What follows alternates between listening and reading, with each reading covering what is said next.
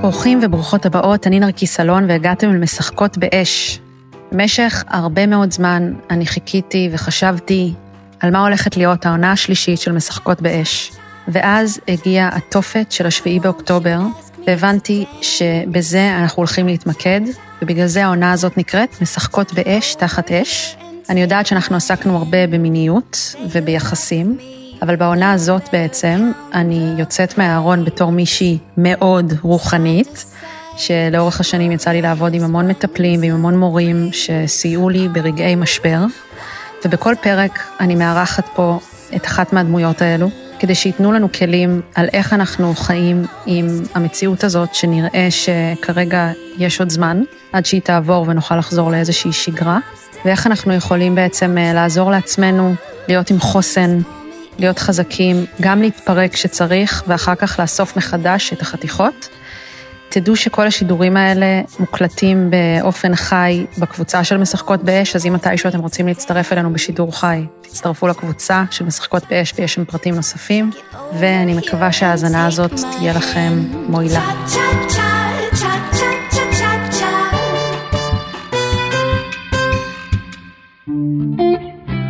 פודקאסט משחקות באש ובחסות הספר אישה חיה, סיפור אישי על גילוי המיניות, ריפוי היחסים בין גברים ונשים, והנשיות והתשוקה, וכן, אני נותנת חסות לעצמי, כי אם אין אני לי, מי לי.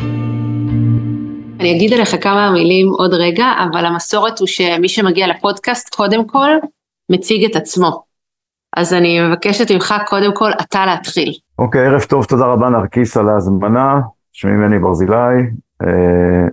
אני לא הולך לספר את סיפור חיי, כי אני חושב שבמידה מסוימת, בהזדמנות אחרת, הוא היה יכול להוות איזושהי השראה לרעיון בסיסי, למשפט אחד בסיסי שחשוב לי שמכל הפודקאסט הזה אנשים יצאו. והרעיון הוא שאנחנו רגילים לחשוב שכשאנחנו עוברים טראומה, אז יש גם שלב של פוסט-טראומה. אבל מסתבר שיש אנשים לא מעטים שאחרי טראומה הם צומחים דווקא, ולדבר הזה קוראים צמיחה פוסט-טראומטית. כמו שיש פוסט-טראומה, יש צמיחה פוסט-טראומטית. ואני מקווה שאני אוכל בדרך כלשהי לסייע לאנשים, במקום להתמודד עם פוסט-טראומה אחרי התקופה שאנחנו עוברים כרגע, להגיע למקום של צמיחה פוסט-טראומטית, ואני חושב שבסיפור חיים שלי יש איזשהו משהו שיכול לתרום לזה, אז אני אגיד ממש בקצרה. אה, יש לי סיפור חיים מאוד אה, יוצא דופן, חריג, בכל מובן שהוא. אני גדלתי, נולדתי במרוקו, עליתי לארץ כשהייתי בן שנתיים, גדלתי משפחה גדולה עם עוד אה, עשרה אחים ואחיות, שכונת הקטמונים בירושלים. בגיל 14 הפסקתי ללמוד, התחלתי לעבוד ולמדתי לבד, מאז הפכתי להיות לאוטודידקט. הגעתי לצבא, נפצעתי, היה לא פשוטה, השתקמתי ממנה בכוחות מסוימים שאני יכול בין השאר לתרגם אותם לאיזה שהן מתודות של חוסן, אפשר לדבר עליהן פה. ואני לא יכול לדבר על כל פרק בחיי, מכל מיני סיבות, אבל נדלג הלאה לגיל 28, בגיל 28 הייתי יועץ של ראש הממשלה, שמעון פרס, תקופה מסוימת. אה, לאחר מכן הקמתי את מיכאל, מיכאל זאת אה, שיטה שמתיימרת אה, לתת לאדם כלים איך לייצר התמרה תודעתית. זאת אומרת, שינוי ברמת התודעה שלו, העלאת רמת התודעה שלו לרמת תודעה יותר גבוהה. ומיכאל היום אה, זאת שיטה שיושמה במהלך השנים האחרונות, 30 השנה האחרונות בישראל, בקרב חצי מיליון בוגרים, והיום היא נמצאת ב-17 מדינות, מיושמת ב-17 מדינות בחמש יבשות. זה על רגל אחת, אני מגדיר את עצמי כאדם אה, אוטודידקט, למרות שיש לי כל מיני אה, תעודות של השכלה פורמלית שהם נמצאים במקומות חבויים היטב שאף אחד לא יראה אותם, כי זה לא מעניין אותי לראות אותם.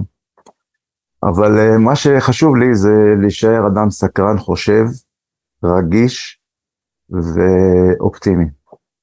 ואני חושב שזה הדברים שאנחנו צריכים כל הזמן לחפש בעצמנו. את הסקרנות, את הרגישות, את החופש מחשבה, וגם את המקום שבו אנחנו אה, יכולים לקבל אה, מכות, יכולים לקבל טראומות, יכולים לקבל קשיים, אבל להאמין שאפשר גם לצמוח מהם. אה, ראש הממשלה הראשון של מדינת ישראל אמר פעם שבמדינת ישראל מי שלא מאמין בניסים הוא לא ריאליסט. אז אנחנו חיים באיזושהי הוויה שהיא אה, מחייבת אותנו לריאליזם מסוג מאוד נדיר, מאוד נדיר, שמשלב המון אמונה, המון אופטימיות לעתיד טוב יותר, ועל השאלה הגדולה מה עדיף להיות פסימי או אופטימי, אז אמר פעם אה, מי שאמר, אינני זוכר את שמו כרגע, שהפסימי אה, חושב על החצי כוס הריקה, והאופטימי חושב על חצי הכוס המלאה, אבל אומר האיש האומר, ואני שואל את עצמי, שיראה לי מישהו איך אפשר לשתות מים מחצי כוס ריקה. מה שאומר שבסופו של דבר, את הדבר הכי בסיסי של להרוות את צמאוננו, אנחנו באמת לא יכולים לעשות מחצי כוס ריקה, אנחנו חייבים לראות חצי הכוס המלאה, כדי באמת לשתות, כי אחרת אנחנו לא ניגש בכלל לכוס. אז זה הרגע. אז רגע, אז, אז אנחנו, אנחנו נמשיך, כי אנחנו נדבר עוד על אופטימיות, וגם רושמת לעצמנו, כי אני רוצה שנקדיש מספיק זמן לצמיחה פוסט-טראומטית, כי זה חשוב לעמוד אה, על מה זה בדיוק אומר. אבל קודם כל אני רוצה להגיד לך שהרבה זמן אני מראיינת אנשים, ובחיים שלי לא שמעתי בן אדם מציג את עצמו בצורה כל כך טובה, מקיפה, עם אפס מבוכה. כי הרבה פעמים כשאתה מבקש מאנשים להציג את עצמם, הם מתפתלים, מה להגיד, מה לא להגיד, מה ככה, מה זה. אז דבר ראשון אני רוצה להגיד שמאוד התרשמתי ממך. אה, דבר שני, זה מצחיק שאני אומרת שהתרשמתי ממך, כאילו הרגע אנחנו מכירים, אבל בעצם אה, צריך להגיד פה שאני בוגרת קורס המנחים של מיכאל, עשיתי את זה כשהייתי בהיריון עם הבן הראשון שלי, וזו הייתה, אה, הייתה אחת מהחוויות המכוננות בחיי, ובאמת אני גם אשת תוכן, אשת חינוך, אז יש לי הרבה, הרבה ביקורת שיכולה להיות לי על חוויות חינוכיות וזה, ובאמת מיכאל, קורס מיכאל השאיר אותי בהתפעמות, ואחד הדברים הכי משמעותיים, יש שני דברים שאני זוכרת הכי משמעותיים, שמלווים אותי עד היום. לפעמים כמה פעמים בשבוע אני חושבת על זה שאני למדתי בקורס מיכאל. בקורס מיכאל אחד מהדברים שעושים זה ששולחים אותנו כמה פעמים ביום להתקלח. עכשיו זה דבר מאוד מאוד משונה, ואני חושבת שזה חשוב להגיד בתקופה כזאת שמני לימד אותי שמים זה דבר שמשנה מצב תודעה. בגלל זה, רגע, אסור, אה, אתה נכנסת אולי לזה, לא, סליחה, זה בסדר, אין בעיה. אז מים זה דבר שמשנה מצב תודעה, ובגלל זה לפעמים כשאנחנו מתקלחים, אנחנו חושבים, אני נקי, אני צריך להתקלח, אני לא צריך, אבל הרבה פעמים אני חושבת על זה כשאני שמה להתקלח, וזה ממש משנה משהו, אז זה גם רלוונטי לתקופה הזאת. והדבר השני, וזה באמת אני אחבר את זה לשאלה שאני רוצה לשאול אותך קודם כל, וזה גם מתחבר לאיך שהצגת את עצמך, זה באמת הדגש המאוד מאוד גדול ששמים במיכאל, על אופטימיות אה, ועל אמונה בעצמנו ועל, אה, ועל חוסן. וכשדיברתי איתך לפני כמה ימים, שעשינו שיחת הכנה לשיחה הזאת, אתה אמרת לי ככה כזה בדרך אגב על זה שגם בתקופה כזאת יש מה להיות באופטימיות. זאת אומרת, זה, זה ממש ריאלי להיות אופטימי בתקופה כזאת, ספציפית בנוגע למדינת ישראל. ואני רוצה להתחיל מהמקום הזה, אני רוצה שמעבר למקום של למה זה משתלם להיות אופטימי, ולמה זה כדאי, ולמה זה תורם לחוסן, אני רוצה שתנסה להסביר לנו, אה, מתוך הניסיון שיש לך וההיכרות שלך עם המדינה, איך אחרי מה שקרה, יש לנו סיבה לשמור על אופטימיות. אז אני רוצה להקדים ולומר שכל מה שאני אומר לא, לא מבוסס חלילה וחס על שום uh, סודות צבאיים, כל הדברים האלה הם דברים גלויים, וכל אחד ואחת יכולים uh, uh, ללמוד אותם, לקרוא אותם לבד ולדע, ולהכיר אותם לבד. אז uh, קודם כל דבר פשוט ביותר, אנחנו תופסים את האסון של השבת השחורה כאירוע קוסמי משנה תודעה, איזשהו פרק, אה, נאמר, שמשנה באופן דרמטי את כל התפיסה העצמית שלנו כישראלים, כיהודים. אנחנו פתאום נזרקנו אל איזשהו חור שחור שבו יש, יש חור שחור שמסתיר לנו לחלוטין את הראייה, אנחנו לא יודעים בכלל איפה אנחנו נמצאים. רגע, מה, מה קורה פה? מה קורה? אנחנו ב-2023, אנחנו במדינת ישראל עצמאית, או שאנחנו באיזשהו פלשבק אל השואה, או שאנחנו באיזשהו פלשבק אל uh, תקופת הפוגרומים, כאילו איפה אנחנו נמצאים? אז קודם כל צריך לזכור דבר, כמה דברים uh, מאוד פשוטים ובסיסיים. דבר אחד הכי פשוט שיש, האם מה שקרה בעוטף יכול לקרות עוד פעם? התשובה היא שאין שום סיכוי שדבר כזה יקרה. למה? נתחיל מהחרדה הכי פשוטה והכי אלמנטרית. למה זה לא יכול לקרות?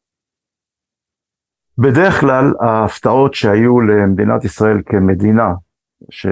כמערכת, כמערכת ביטחון ששומרת על האזרחים שלה, מנסה לשמור על האזרחים שלה, הם תמיד היו, אה, כל ההפתעות שהיו, הם לא היו הפתעות שחזרו על עצמם, באופן עקרוני. אז בעוטף ובצפון, דבר כזה לא יכול לקרות כי כבר למדנו שזה לא יכול לקרות. אין שום מקום אחר שזה יכול לקרות ממנו. מדוע? משום שכל יישוב במדינת ישראל, הוא לא, שהוא לא בצפון, בעוטף הצפון, ולא בעוטף הדרום, הוא לא יישוב שהוא במרחק של, אה, מרחק קצר מאוד עבור מחבלים נניח, כדי לחזור לבסיס שלהם כמו שקורה בעזה או כמו שקורה ב... כמו שיכול לקרות בצפון. לכן דבר כזה לא יכול לקרות בארץ. בוא נניח אפשרות שמישהו שגר ברעננה וחושש שבגלל הקרבה שלו ליישובים ערבים, מעבר לקו הירוק, אה, מעבר לגבול בעצם, בכלל, אה, משם יכולה להיות אה, בעיה כזאת, אז סיכוי שדבר כזה יקרה הוא מאוד מאוד קטן וכמעט לא קיים. כי אין שום בסיס שאליו יכולים לחזור. צריך לקחת בחשבון שבכל ריכוזי הטרור שנמצאים בשטחים, נמצא צה"ל, ונמצא צה"ל בעצימות גבוהה.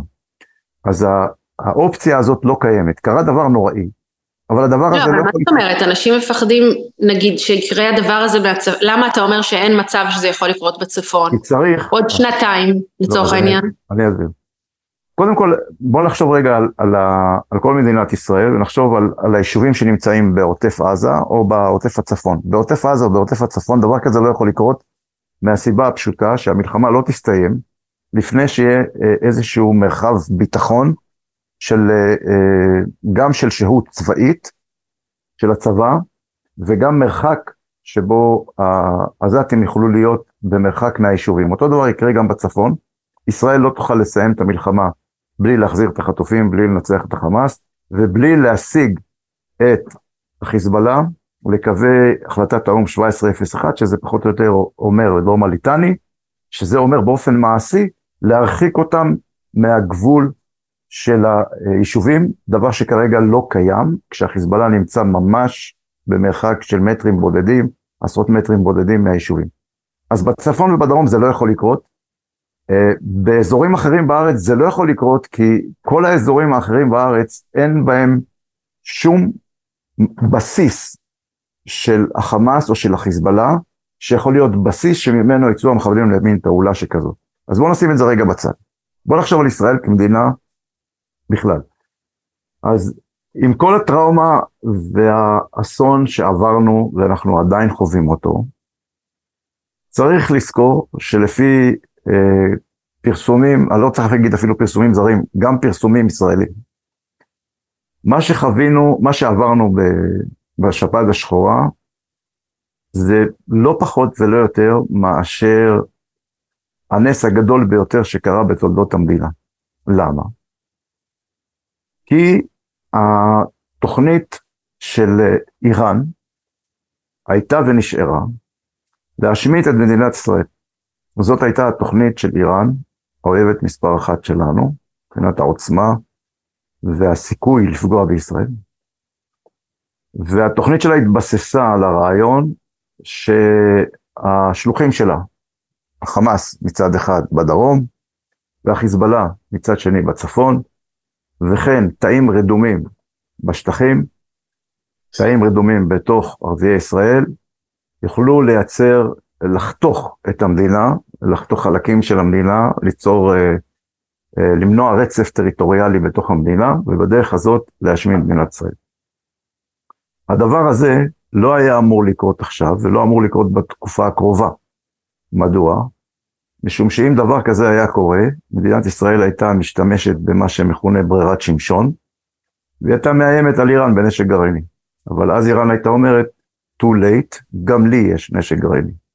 לכן איראן תכננה, התוכנית הגדולה של איראן שהתפרסמה וידועה למערכת המודיעין, דעה לכל, לכל העיתונאים, דובר על זה בלי סוף בתקשורת, הייתה אה, שביום מן הימים לעשות תוכנית כזאת. התוכנית הזאת, אה, מה שהחמאס עשה זה שהוא החליט על דעת עצמו לעשות את מה שהוא עשה בשבת השחורה, דבר שגרם כמעט לנתק בין איראן לבין החמאס, דבר שגרם לנסראללה, חסן נסראללה, בנאום שלו המפורסם ב-11 ל-11, זה יום השהיד האיראני ויום השהיד הלבנוני, שבו הוא אמר שהמלחמה בעזה היא לא מלחמה שלנו, היא מלחמה של החמאס. זאת אומרת, זה החצנה של בעיה פנימית שקיימת בין החמאס לבין החיזבאללה ובין החמאס לבין איראן, שהחמאס קלקל את התוכנית הגדולה. עכשיו התוכנית הגדולה כבר גלויה, וכרגע יש בעיה מאוד גדולה להסתיר את, ה, את התוכנית הגדולה, והתוכנית הגדולה כבר התגלתה. ולכן, אה, כשהתחילו התקפות הראשונות של חיל האוויר עוד לפני התמרון הקרקעי של הצבא, דבר ראשון שהמנהיגי החמאס עשו היה להתקשר למנהיגים באיראן, והם פשוט לא ענו להם לטלפון.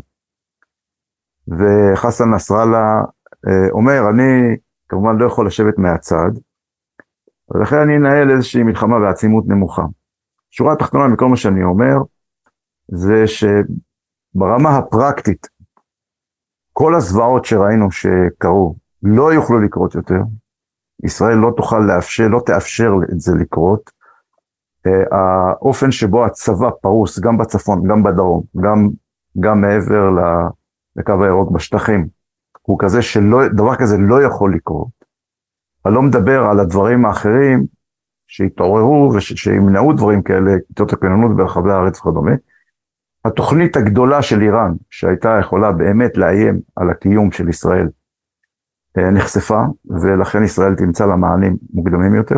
מה שקרה בגדול, אם נציג את זה בצורה אולי מטאפורית, בואו נדמיין בן אדם שיש לו המון המון בעיות רפואיות.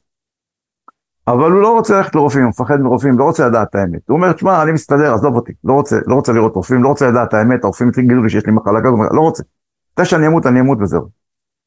ויום אחד, לוקחים את הבן אדם הזה בכוח, שמים אותו לפני הרופא, והרופא אומר לו, תשמע, אתה חייב לעשות, לטפל בבעיה הזאת והזאת והזאת, ואם לא תטפל בזה, אתה תמות. זה מה שקרה למדינת ישראל. מדינת ישראל אולצה להתמודד עם הדברים שהיא הדחיקה.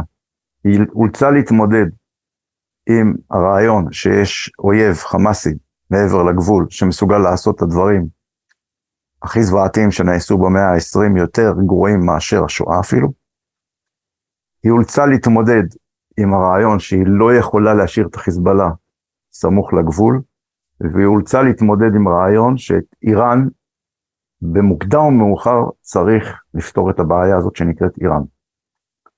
עכשיו התוצאה של ההתעוררות הזו היא אה, במחיר מאוד כבד של אובדן חיי אדם ואובדן חיילים. התוצאה של זה היא שהבעיה של החמאס כבר לא תהיה, היא לא יכולה להיות, זה לא משנה מה, מה הדעה של מישהו כזה או אחר. מדינת ישראל, כל סוג של ממשלה במדינת ישראל לא תוכל לאפשר קיומו של חמאס, או איזשהו ארגון טרור מעבר לגבול הגורמים. ישראל לא תוכל לאפשר קיומו של איזשהו ארגון טרור בדמות החיזבאללה במרחק יריקה מיישובים בצפון, ולאורך זמן, ואני חושב שהזמן הזה יתקצר מאוד, ישראל תצטרך לטפל בעניין של איראן בצורה מאוד משמעותית, וכשחושבים על איראן צריך לקחת בחשבון כמה דברים אבסורדים וקומיים, כמעט טרגי-קומיים. העם האיראני הוא העם הכי דומה לעם היהודי. כמעט בכל מובן שהוא. קודם כל הוא סוחב אחריו היסטוריה של 2,500 שנות, שנות רציפות, אה, רציפות מדינית. ואחד הנקודות הטרגי-קומיות בסיפור של איראן, הוא לזכור שאחד המלכים החשובים ביותר של איראן, המלך כורש, הוא היה זה שנתן לנו את האישור לעצמאות מדינית בפעם הקודמת שבאנו לעצמאות מדינית לישראל. עכשיו צריך לקחת בחשבון שהעם האיראני הוא עם נרדף, הוא מוקף אויבים, והוא מהווה מיעוט בתוך האסלאם. האסלאם חונק לסונים ולשיעים, הסונים מהווים 85% מהמוסלמים בעולם, השיעים מהווים 15%, ואיראן מרגישה מבודדת. במובנים רבים, אנחנו מאוד מאוד דומים לאיראנים. מה שעוד יותר uh, מגחיך את הסיטואציה, היא העובדה שהדברים המשמעותיים ביותר באיראן נבנו על ידי ישראל.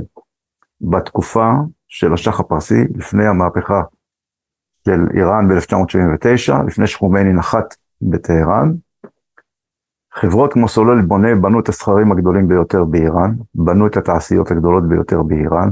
החקלאות של איראן היא החקלאות של המדינה המזרח תיכונית הלא ישראלית הטובה ביותר ב, בכל, המז... בכל המדינות המוסלמיות בעולם, בגלל מומחי החקלאות של ישראל. היחסים של ישראל עם איראן היו היחסים הכי טובים שהיו לישראל עד היום מול איזושהי מדינה מוסלמית בעולם. ולכן ההערכה היא, עכשיו, בנוס...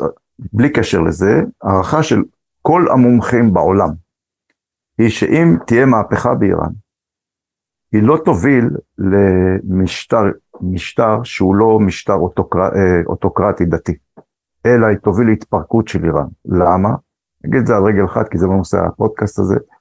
בגלל שאיראן מורכבת מכמות עצומה ובלתי נתפסת של מיעוטים שמבקשים עצמאות וילחמו על עצמאות, ולכן אז זה מין כזה מלחמת אזרחים שתגרום לכולם לכלות אחד את השני?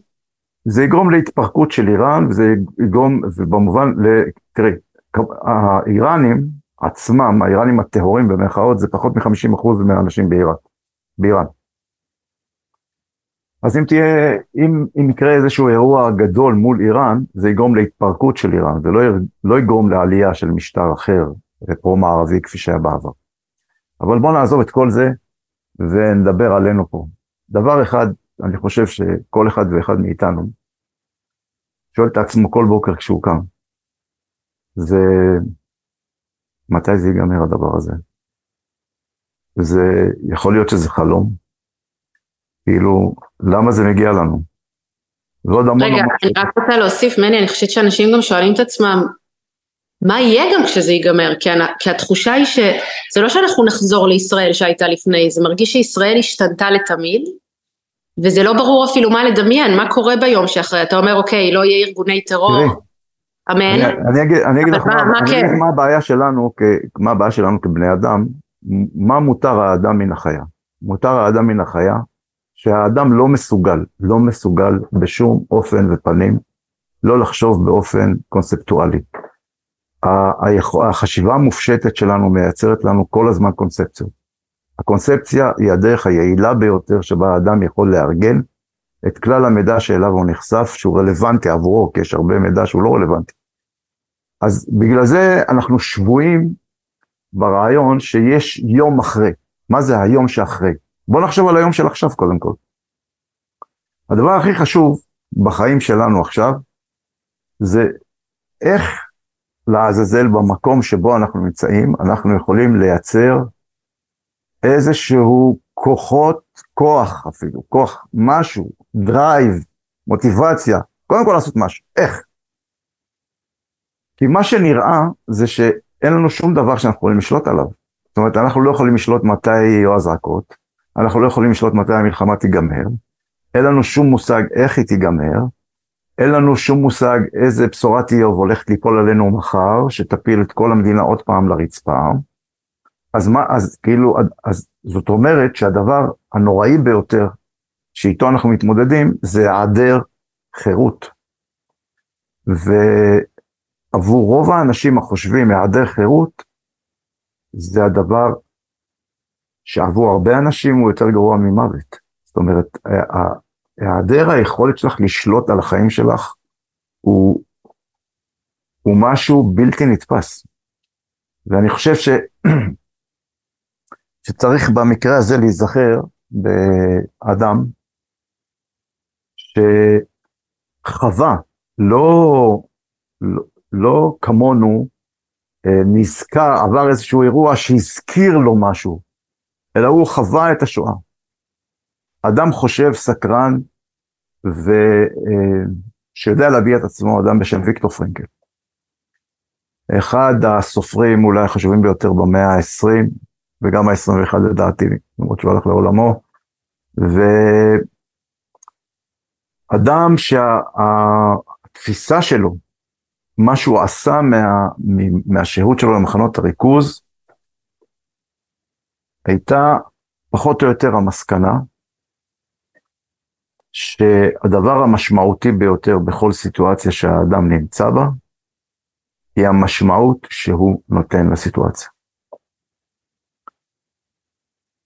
ופה אני רוצה לצטט ככה בעל פה, אני מקווה שאני זוכר נכון, שאומר ויקטור פרנקל בספר המונומנטלי שלו והמפורסם ביותר שלו, אדם מחפש משמעות, הוא אומר, האדם הוא יצור שהוצבו לו גבולות, החירות שלו היא מוגבלת, אבל היא לא חירות מתנאים, אלא חירות לנקוט עמדה כלפי התנאים. עכשיו, נקיטת העמדה כלפי התנאים היא החירות שיש לנו. וזאת אומרת, הבשורה היא שיש לנו חירות כלשהי. אנחנו לא נטולי חירות לחלוטין. יש לנו איזושהי חירות, והחירות שיש לנו היא לנקוט עמדה כלפי מה שקורה. ולנקוט עמדה כלפי מה שקורה זה דבר חשוב, אבל זה לא, זה לא מספיק. צריך קודם כל להסתכל במראה ולהבין מה בעצם שובר את המראה שאנחנו רואים. מה, מה, מה נשבר במראה? כשאנחנו מסתכלים במראה אנחנו רואים משהו, אנחנו רואים משהו, מראה שבורה. מה נשבר שם? ומה שנשבר שם זה הרצף של התפיסת זמן שלנו, של העבר, הווה ועתיד. נשבר שם משהו. אנחנו היינו רגילים לאיזושהי תנועה מסוימת אה, שאנחנו יודעים איכשהו, איכשהו להתנהל בה מהעבר אל ההווה, אל העתיד. ופתאום התמונה הזאת נשברה לחלוטין, נשברה לחלוטין במובן הזה שהעבר שלפני השישי באוקטובר נראה לנו בלתי קשור להווה שלנו, נראה לנו משהו אחר לחלוטין, וההווה שלנו נראה כל כך כאוטי, כל כך קשה שאנחנו ממש לא רוצים שהוא יהיה העתיד שלנו. אז, אה, אז קודם כל זה דבר אחד, בעיה ראשונה. בעיה שנייה, זה שאנחנו במידה רבה אה, בוחרים לברוח אל אזור הנוחות שלנו, ואזור הנוחות שלנו זה האזור של, של הבריחה מאחריות, בריחה מהתמודדות, בריחה מלקחת אחריות ובריחה מלהגדיר את עצמנו בהגדרות לא נעימות. אז ההגדרה הלא נעימה הראשונה היא קודם כל לשאול את עצמנו האם אנחנו קורבנות חסרי ישע. וכשאנחנו רואים את השבר במראה, וכשאנחנו נוטים לאזור הנוחות שלנו לקחת אותנו למקום שבו אנחנו מרגישים חסרי ישע. אז, אז המציאות הופכת לטראומה שמשתלטת על הסיפור חיים שלנו, על מי שאנחנו. ולכן במקום לקחת את ה... במקום לראות את זה באופן הזה, בוא ניקח את החירות שלנו להבין את הדברים בצורה אחרת לחלוטין. ולהבין שמה שמשפיע עלינו יותר מכל דבר אחר, זה המעשים שאנחנו עושים. וברגע שאנחנו יוצאים מהמקום של היעדר עשייה למקום של עשייה, לא משנה מה העשייה, אנחנו כבר במקום שבו משהו מתחיל להתפתח. ומה שמתחיל להתפתח, מתחילה להתפתח התרופה שתוציא אותנו מהדיקי, התרופה שתוציא אותנו מהבאסה, התרופה שתוציא אותנו למקום שבו אנחנו יכולים להיות אקטיביים במציאות שסוגרת עליך מכל הכיוונים ומשדרת לך סמלים של חוסר אקטיביות. אז קודם כל, איך אנחנו עושים פעולה, כלשהי, לא משנה איזושהי פעולה. ואחרי זה איזה סיפור או משמעות אנחנו מייחסים לפעולה הזאת. עכשיו, צריך להבין שכשאנחנו אה, עושים את זה, אנחנו צריכים לזכור שמה שנותן לנו את הכוח להתמודד בחיים, זה לא המחשבות שלנו. Uh, במידה כמעט בטוחה, זה הרגשות שלנו. מדוע? משום שאנחנו, המוח שלנו בנוי באופן כזה, שאם אנחנו עושים חתך צד של המוח, מה שהיינו רואים, זה שהשכבה החיצונית היא השכבה של הנאו-קורטקס, שם נמצאים המחשבות שלנו. ומתחת למחשבות שלנו נמצאים הרגשות שלנו. ומתחת לרגשות שלנו נמצאים האינסטינקטים שלנו. ומתחת לאינסטינקטים שלנו נמצאים הדחפים וכל הדברים האוטומטיים, המערכת האוטומטית שלנו. עכשיו, המחשבה הטריוויאלית של האדם היא שהמערכת העליונה של המחשבה שולטת על המערכת של הרגש, הרגש שולט על האינסטינקטים והכל וכולי, וזה בדיוק הפוך.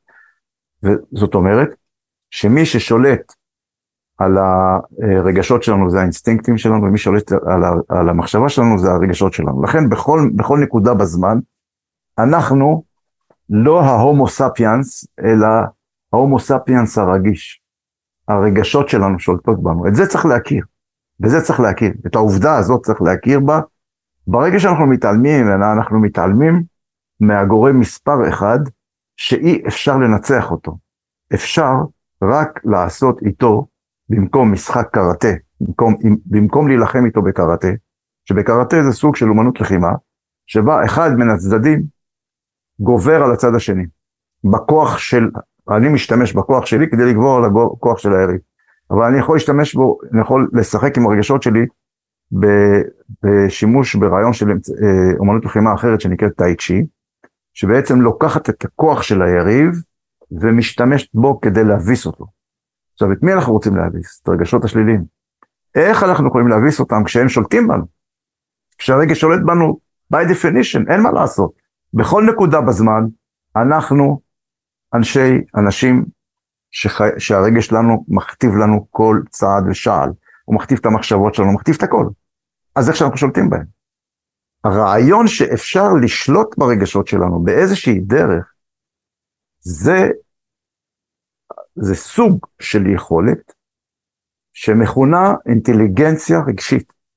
מה זה אינטליגנציה רגשית? זה לא סוג של רגשות אינטליגנטיים, אלא הכלים של, שאת מפתחת לעצמך, איך לתעל את הרגשות שלך, שהם ממילא קיימים, ממילא, אותם ממילא לא תוכלי להזיז הצידה, אבל איך לתעל אותם באופן כזה, שהם יהיו לתועלת עבורך, ולא, ל, ולא למשהו שחוסם אותך ומפריע לך. איך את מתעלת אותם? איך את מתמירה את הרגשות שלך למשהו אחר? איך את מעבירה את הרגש השלילי למקום כזה שהוא יכול לתת לך drive ולא לשתק אותך. איך את עושה את זה? אז אני רוצה להציע כמה אה, כיווני מחשבה אפשריים, וזה להבין שהרגשות שה, שלנו הם בסופו של דבר חלק ממערכת שנועדה לגרום לנו לשרוד. אין מה לעשות. ואנחנו כל דבר שהתפתח אצלנו בסוף נועד לשרת את המטרה של הישרדות.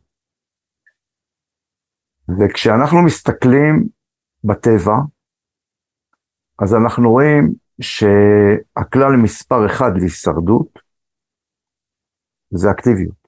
זה לא משנה של באיזה מערכת, באיזה רמה של בטבע אנחנו מסתכלים. זאת אומרת, יש כל מיני כללים של הישרדות, אבל בסוף זה איזשהו משהו שקשור לאקטיביות. עכשיו, אקטיביות ברמה של האדם, ברמת התודעה של האדם, לא יכולה להופיע כשיש לך רגש דיכאון, כשאת מדוכאת, כשאת מרגישה חסרת ישע, כשאת מרגישה שאין לך שום שליטה על המצב. מאיפה שתופיע אקטיביות? אז אקטיביות מופיעה רק כאשר אנחנו מנסים להביא את עצמנו למצב שבו אנחנו עוזרים אומץ לעשות משהו. אנחנו לא, לעולם לא נאזור אומץ לעשות משהו, אם לא תהיה לנו אמונה כלשהי שתביא אותנו לאזור אומץ לעשות משהו. ואמונה כזאת לעולם לא תתפתח, אם לא תהיה בנו אופטימיות. זאת אומרת, במילים אחרות, אני מסכם את זה, אז אופטימיות היא בעצם הגרעין היסוד שממנו אנחנו מתחילים. ואופטימיות זה לא איזושהי אה, אה, מחשבה נאיבית של ילדי הפרחים, שיהיה טוב והעולם יהיה שלום והכל, אה, אה, שהכל יהיה טוב. אופטימיות זה תפיסת העולם שבוחרת בחיים. אי אפשר לבחור בחיים כשאתה בוחר בחיים, אתה בן אדם אופטימי. זאת אומרת, זה מאוד אופטימי להגיד את זה, כי אז בעצם כולנו אופטימיים. אבל כל בן אדם שבוחר בחיים, הוא אופטימי.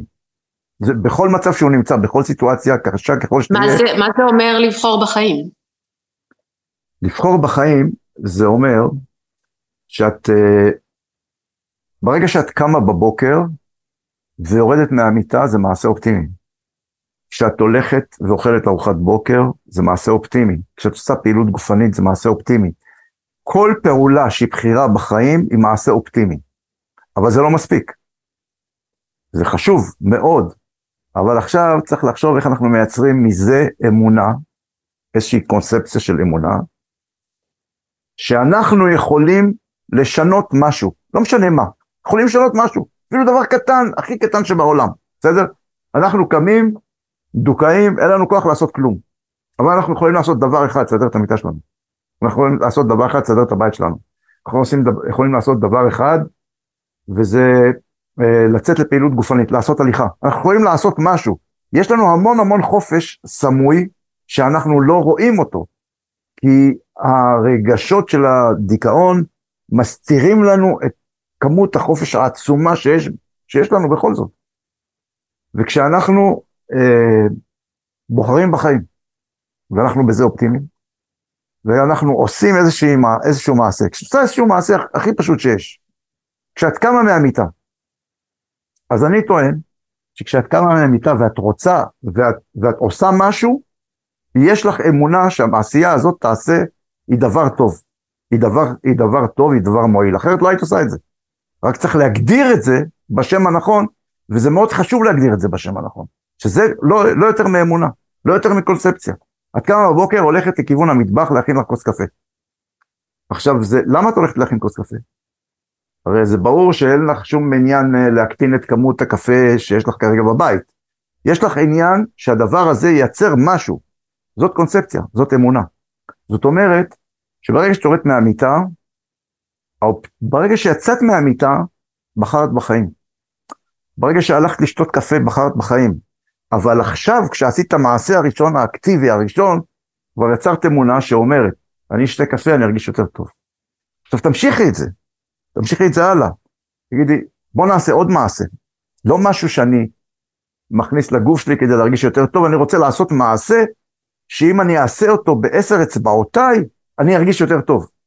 אז בוא אני אסדר את, את, את המיטה שלי, אני אגיד את זה לבן שלי, לבת שלי, לא, לעצמי, לא משנה.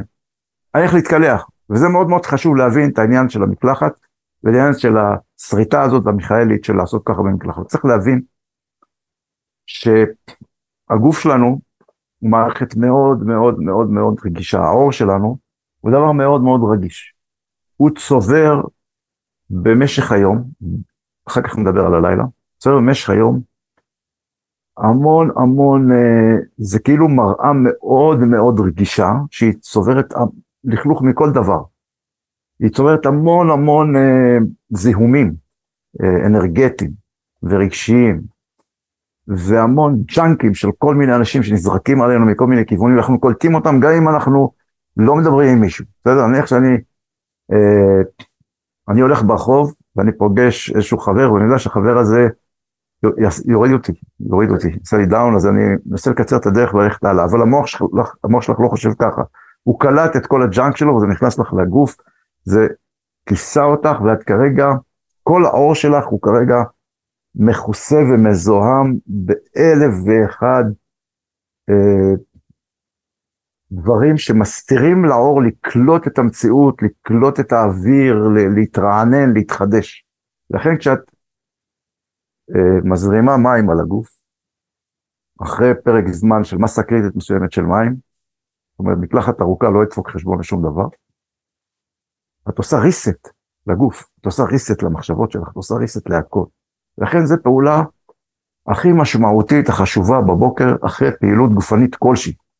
היא פעילות גופנית כלשהי שאת עושה, לא משנה מהי. היא משדרת למערכת שלך שליטה. וזה דבר מאוד מאוד חשוב, לשדר שליטה, לשדר לעצמך, לתת הכרה שלך שליטה. כי ברגע שאת קמה מהמיטה, ואת נשכבת כמו בטטה מול הטלוויזיה, אז המוח שלך קולט שאת לא בשליטה, את לא בשליטה על כלום. את כל הזמן, את נשלטת. שאת שומעת, את יושבת על חדשות, שמה את הכוס קפה ושומעת לראות טלוויזיה. לא. קומי, תעשי משהו. לא משנה מה תעשי. אחרי שאת עושה את הפעולות האלה של לצאת מהמיטה, במלוא מובן המילה, זה לא רק המטאפורה של לצאת מהמיטה, לצאת, לצאת ממצב השינה. כי במצב השינה, אנחנו קולטים, נניח, אתה הולך להתקלח בלילה, זאת אומרת, בסדר, אני ניקיתי את הראש, ניקיתי את הגוף, הגוף שלי עכשיו נקי. אבל את צריכה להבין שכשאת חולמת חלומות, בגלל העוצמה של התודעה שלנו, החלומות האלה שאת רובם אנחנו לא זוכרים, הם שוב פעם מכסים את כל הגוף שלנו בסוג של מוות. לכן בהרבה מסורות אה, רוחניות בעולם רואים בשינה איזשהו סוג של מוות, אה, מוות אה, זמני. ביהדות זה נקרא 1 חלקי 60 של מיטה.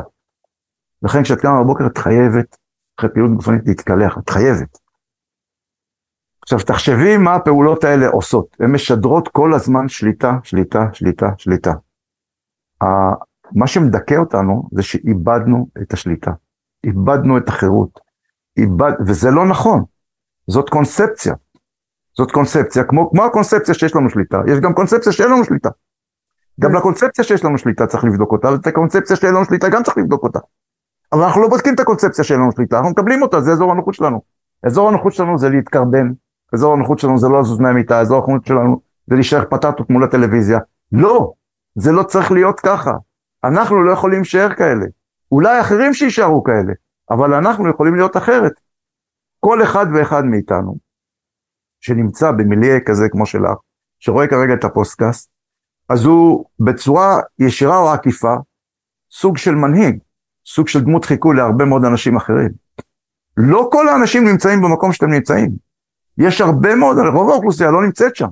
לא נמצאת ברמת התודעה והמודעות של לחשוב על עצמי, לחשוב על התודעה שלי, לחשוב מה, מה קורה לי, בכלל לחשוב על עצמי. זה לא קורה לרוב האנשים. אז אם אתם כבר במקום הזה, המאוד מדהים, יוצא דופן, נדיר, אה, נבחר כזה, אז תעשו עם זה משהו. והעשייה הזאת של המשהו הזה, אני בטוח שהיא מייצרת בסופו של דבר עוד גלגלים אה, קדימה. עכשיו צריך רגע, להבין... אתה דיברת על זה קודם, שאמרת ש... כל הדבר הזה זה בשביל, אתה אומר, אנחנו נשלטים על ידי הרגשות שלנו, כן. בעיקר הרגשות השליליים. לא אני הקטן אומר את זה, זה א' ב' של הבנה של uh, תפיסה, תפיסת האדם, מה מניע את האדם בעידן שלנו, כן? זה לא, לא אני המצאתי את זה. ואתה אומר שאין מה להילחם בהם, זה יותר, אה, קראת, אמרת בוא נעשה את זה בסגנון של טאי צ'י, אז עכשיו תקשר כן, לי איך לנתב אותם, איך לנתב את איך לנתב אותם, אז אני רוצה שתקשר לי רגע איך, איך זה מתחבר למה שאמרת לנו עכשיו, לכל ההרגלים האלה שאם אנחנו עושים אותם במהלך היום בבוקר ולפני השינה, הם בעצם, ומשדרים ככה שליטה, הם בעצם מאפשרים לנו לרקו, לעשות מין טאי צ'י כזה עם הרגשות השליליים. מצוין, אז אני אתן לך דוגמה פשוטה ביותר, אוקיי. כשאת מתעוררת, כשאת מתעוררת, הרגש שאת מתעוררת איתו בבוקר, אין לו שום קשר למקריות. אנחנו רגילים לחשוב שיש דבר כזה, כמו שאומרים בערבית, יום אסל, יום באסל, בסדר? אני קמתי על רגל ימין, קמתי על רגל שמאל, נכון? זה כמובן, זה מחשבה מופרכת, היא הוכח כבר בשנות ה-80 של המאה הקודמת, על ידי זוג חוקרים בשם שכטר וזינגר, שזה לא, לא הצורה שבה המוח, המוח הוא כמו מחשב, הוא עולה, כמו, למי שלא יודע, כשאתה מדליקה את המחשב, יש תהליך שהוא עולה. המחשב עולה, מאיפה הוא עולה? הוא עולה מה, מהמערכת, מתחת למערכת ההפעלה, מהדוס כאילו במרכאות. לפני זה הוא מתחיל לעלות, לעלות, לעלות עד שהוא נדלק לך. אותו דבר המוח שלנו. עכשיו כשהמוח שלנו נדלק בבוקר, בניגוד למה שאנחנו חושבים, כל מה שקורה לנו הוא לא אקראי בכלל, הוא סופר נשלט. איך? אז מה שהוכיחו שכטר וזינגר בשנות ה-80 של המאה הקודמת, זה את הדבר הבא. אמרו, הבן אדם, כשהוא הולך לישון, הוא הולך לישון עם איזושהי תחושה או רגש מסוים. התחושה או הרגש המסוים האלה כרגע נשמרים במוח, בזיכרון התת מודע. את, את מתעוררת בבוקר, ואז אם לא אה, עברת איזשהו אה, חלום, שאנחנו לא זוכרים את רוב החלומות שלנו, כן? אבל אם לא עברת איזשהו חלום מאוד מאוד מזעזע או מאוד מאוד יוצא דופן, אז התודעה שואלת, מה הדבר האחרון שקרה? אז הדבר האחרון שקרה זה מה, איך ישנתי אתמול בלילה.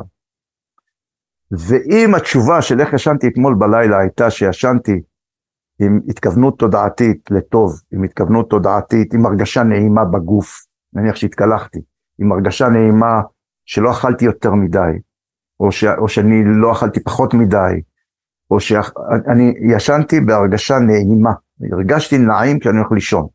זה את ההרגשה שאתה קום איתה בבוקר. אז זה כלל מאוד פשוט. הרגע שבו אתה מתעורר בבוקר, נדבק לרגע שבו אתה ישן בלילה. אז תחשוב איך אתה ישן בלילה, איך אתה מכוונן, יש תחום שנקרא קיברנטיקה, שזה מדע תכנות המוח. איך אתה מתכנת את המוח שלך, שבבוקר כשאתה קם, אתה תקום כמו שאתה רוצה לקום, ולא כמו שמישהו, משהו אקראי יקים אותך. זה דבר ראשון. דבר שני, תחשבי שלכל רגש שיש לך, יש מערכת שיודעת לנטרל אותו. לנטרל אותו לחלוטין. אתן לך דוגמה פשוטה ביותר, אוקיי. אה, נניח תחושה של, אה, של חוסר אונים.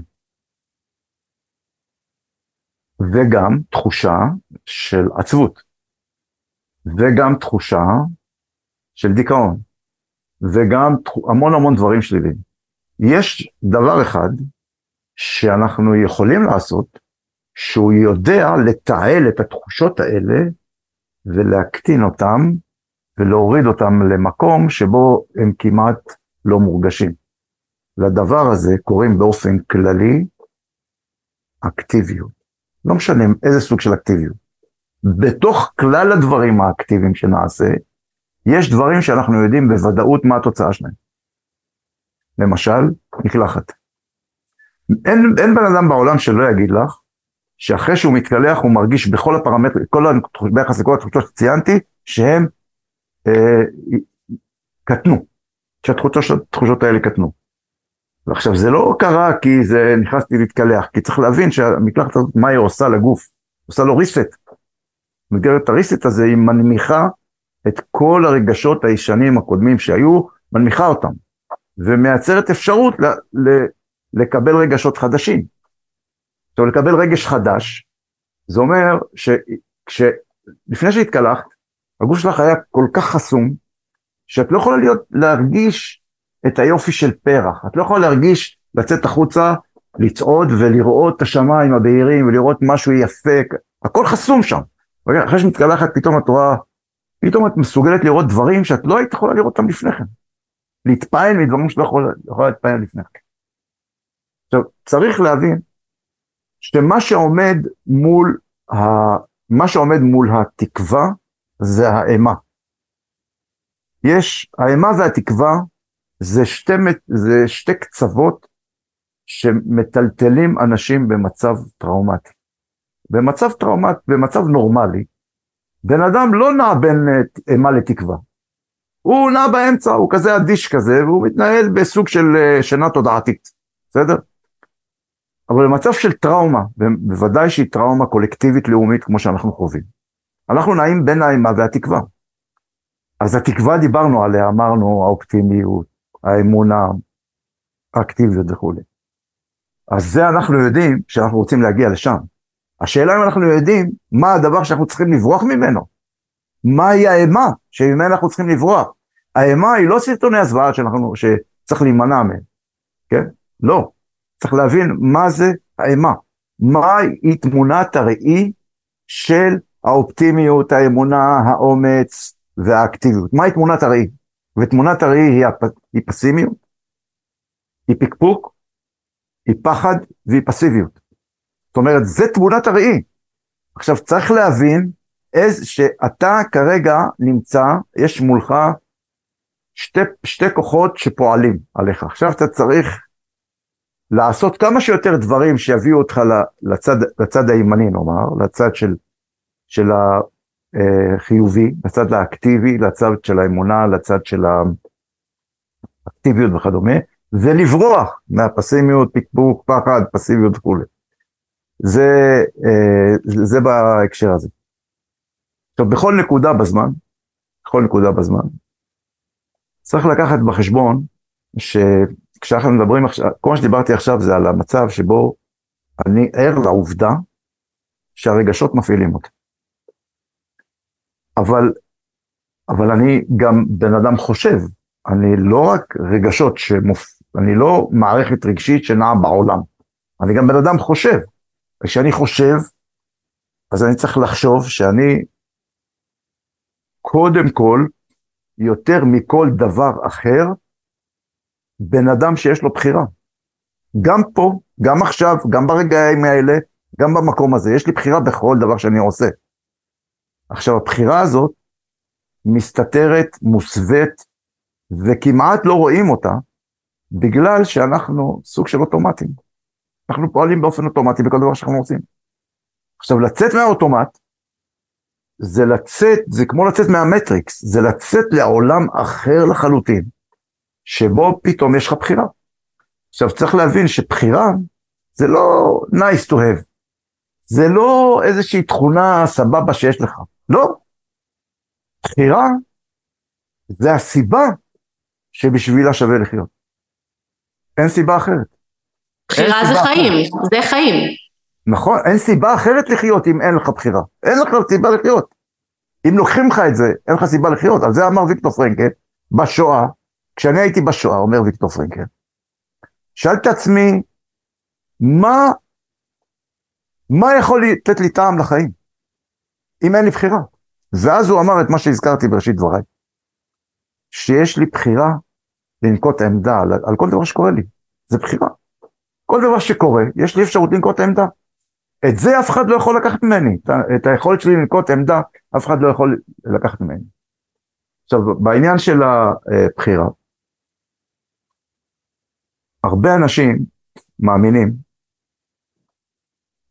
כלומר, יותר אנשים ממה שאפשר לדמיין מאמינים, שיש איזשהו משהו, איזושהי תוכנית, איזשהו דבר ש...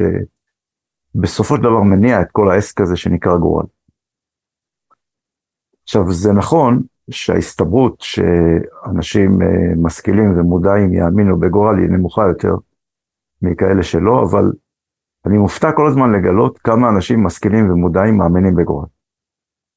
מאמינים בגורל אפילו במובנים הכי אה, שטותניקים והכי קטנוניים שיכולים להיות.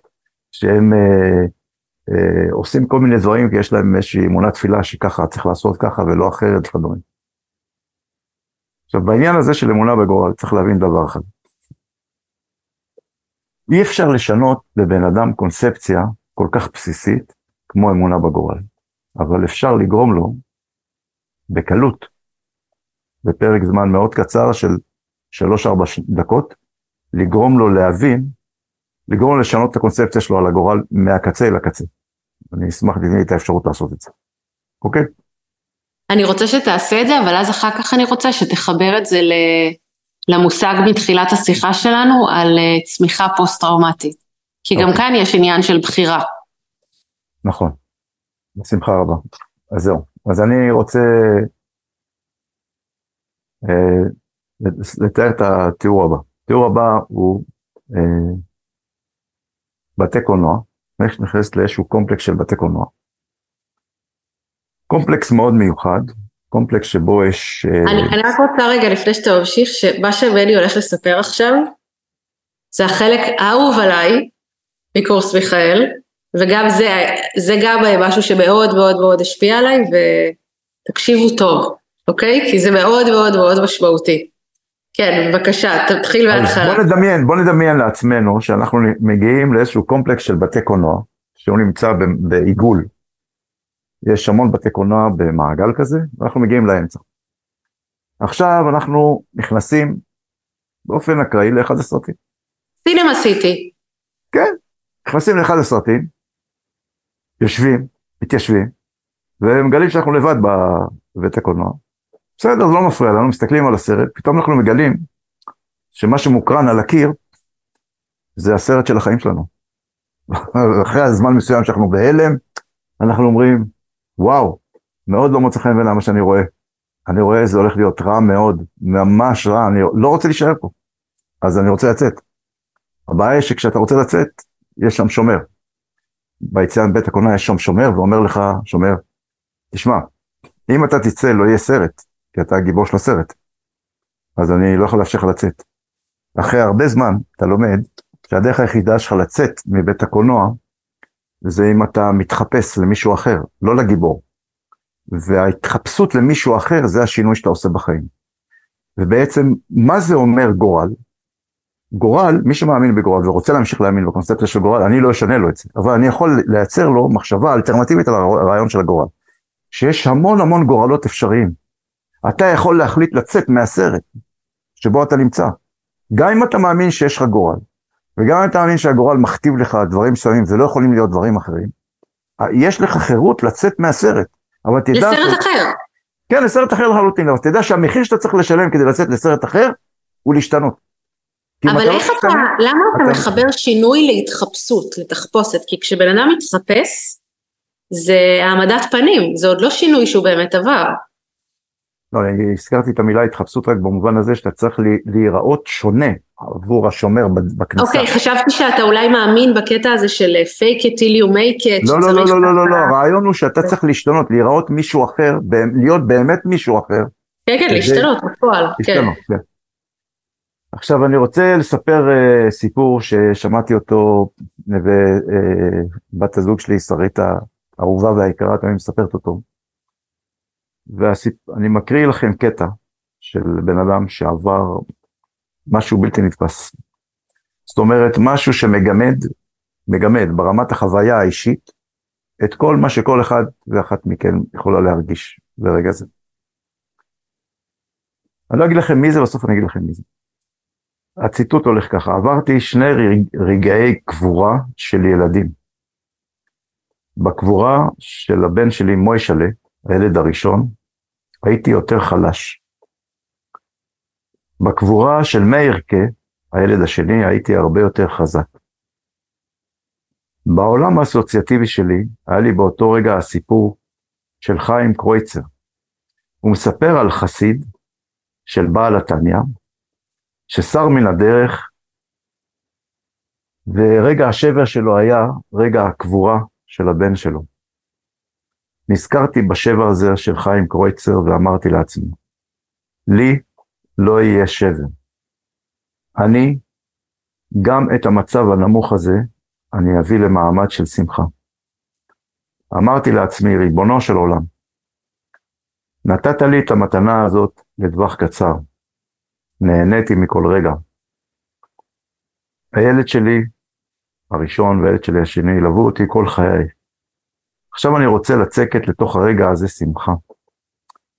ירדתי במדרגות של הר המנוחות, הייתי מכונס בתוך עצמי ואמרתי, אני חייב ללכת עכשיו הביתה בשמחה. לגמור את שבעת ימי האבל, ולהביא את הילד הזה שבדמיון שלי, שעכשיו קברתי, למקום ש, שגם הצרה הזאת הקשה תהיה בעיניי שמחה. כך גמרתי עומר בליבי. הדברים האלה הם ציטוט של האדם שאחרי שהוא קבר את הילד השני שלו, הוא החליט להקים את אחד מפעלי החסד הגדולים ביותר בארץ, ושמו הרב דודי זילברשלג. אה, חרדי מסוג אחר, מכל מובן שהוא, בכל מובן שהוא. עכשיו צריך לזכור בעניין של ה... אם נחזור רגע... מני, אתה יודע ששבוע שעבר פגשתי אישה שמשהו ממש דומה, שהיא קברה את הבן הראשון שלה, ואז אחרי כמה שנים גם הבת שלה נפטרה, וברגע שזה קרה, היא אמרה, אלוהים, אם זה קרה, חייבת להיות סיבה לזה, חייב לצאת מזה משהו טוב, כי זה כל כך קיצוני, תראה לי מה זה הדבר הזה. וזה מה שגרם לה גם להקים את המפעל חיים שלה, שעוזר לרפא ילדים והכל, אבל זה, זה גדלות נפש שהיא, שהיא באמת מפעימה. צריך לזכור שאנחנו גדולים, כל אחד ואחד מאיתנו הוא איש גדול, ואנחנו הרבה פעמים רואים במראה, במראה מוקטנת שמקטינה אותנו כל הזמן. כי אנחנו רואים את הכאן ועכשיו. את יודעת, יש שתי גישות שונות לחלוטין לרעיון של אה, איך, איך לעמוד על טיבו של האדם, של אדם שפוגשת אותו. אז יש את הגישה המאוד מפורסמת בהרבה תרבויות, וגם בתרבות היהודית היא קיימת, בצורה כזאת או אחרת. בתרבות היהודית זה סוג של סלוגן כזה שאומר לך, האדם נמדד בכוסו, כיסו וכעסו.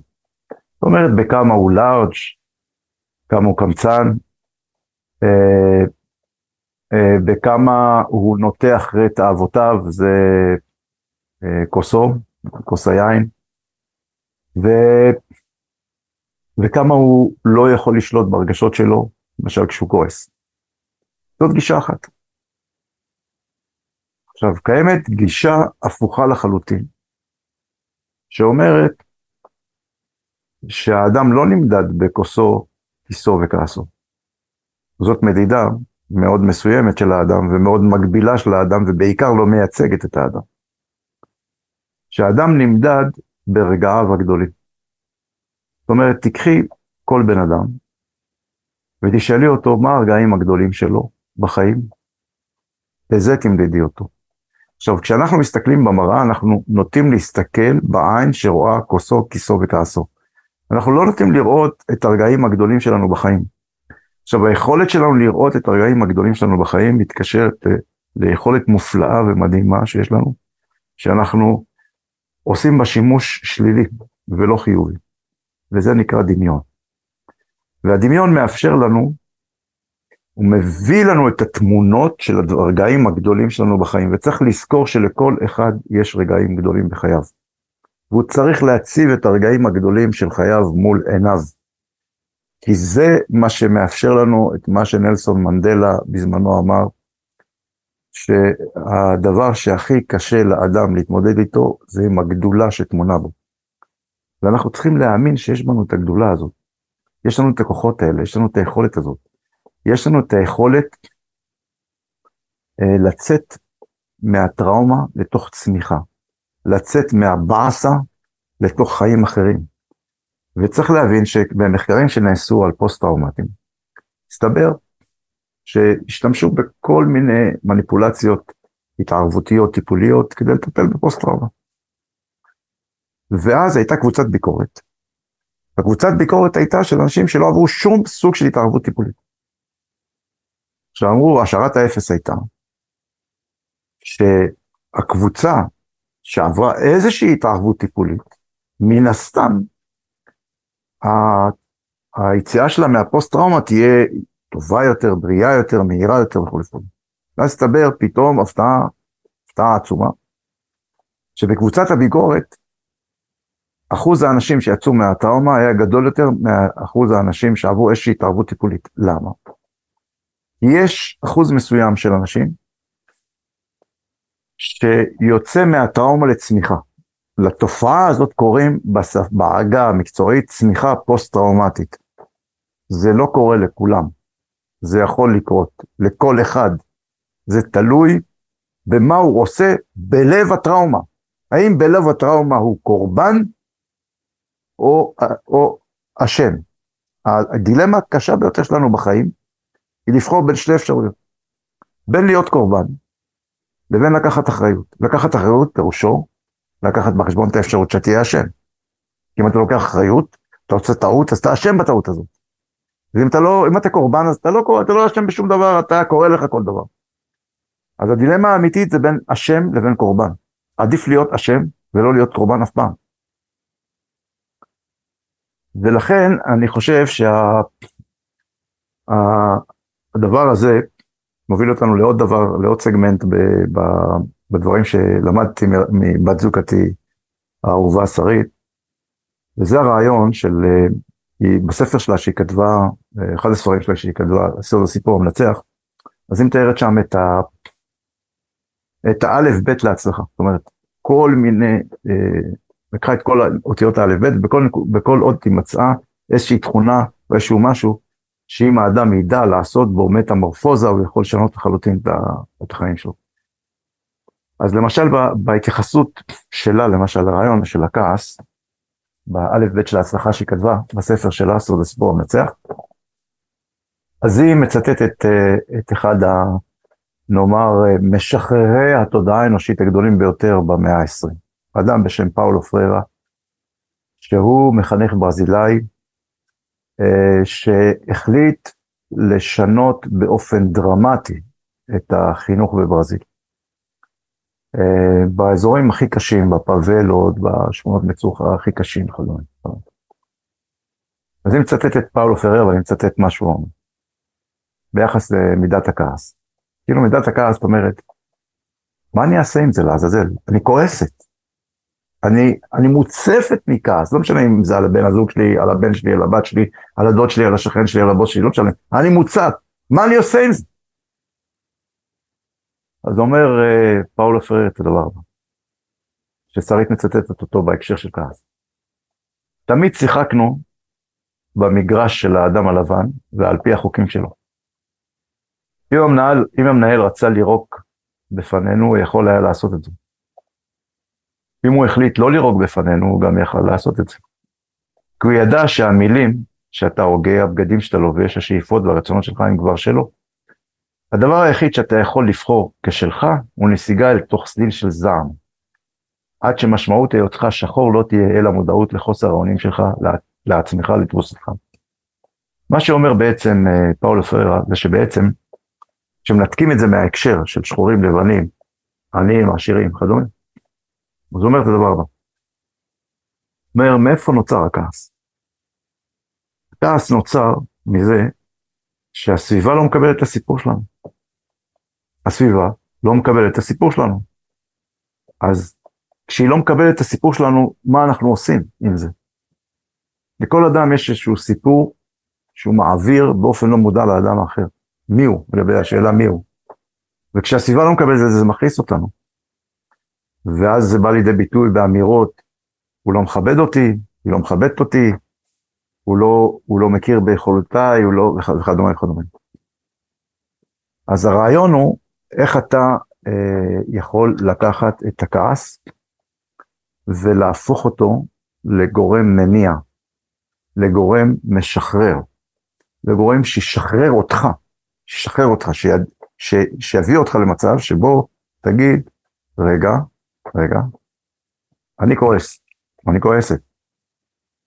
זה סופר לגיטימי, אבל אני רוצה להיות במקום הזה ואני לא רוצה לתת לזה אה, להתפרץ החוצה, כי ההתפרצות החוצה, בשונה מהתחושה של רוב האנשים, היא לא פותרת אותך מהכעס, רק מעמיקה, מעמיקה את העניין בפנים.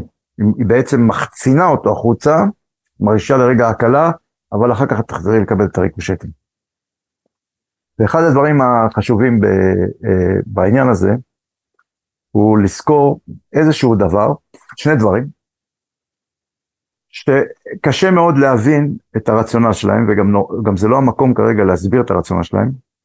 אפשר לתת קרדיט שהדבר הזה עובד, הוא עבד בכל ההיסטוריה האנושית, והוא עבד בהמון המון, המון המון מסורות של מודעות בעולם מזכירות את זה, שני הדברים האלה, ולכן גם אם אנחנו לא מבינים כרגע את הרציונל של זה, זה עובד. זה איזשהו סוג של תרופת סבתא שעובד. וזה הדבר הראשון, הוא לחשוב על זה שמאיזושהי סיבה, זה באמת מעניין לעשות את זה פעם אחרת, לדבר למה זה קורה, מה המנגנון הפסיכולוגי המדויק שיוצר את התופעה המוזרה הזאת.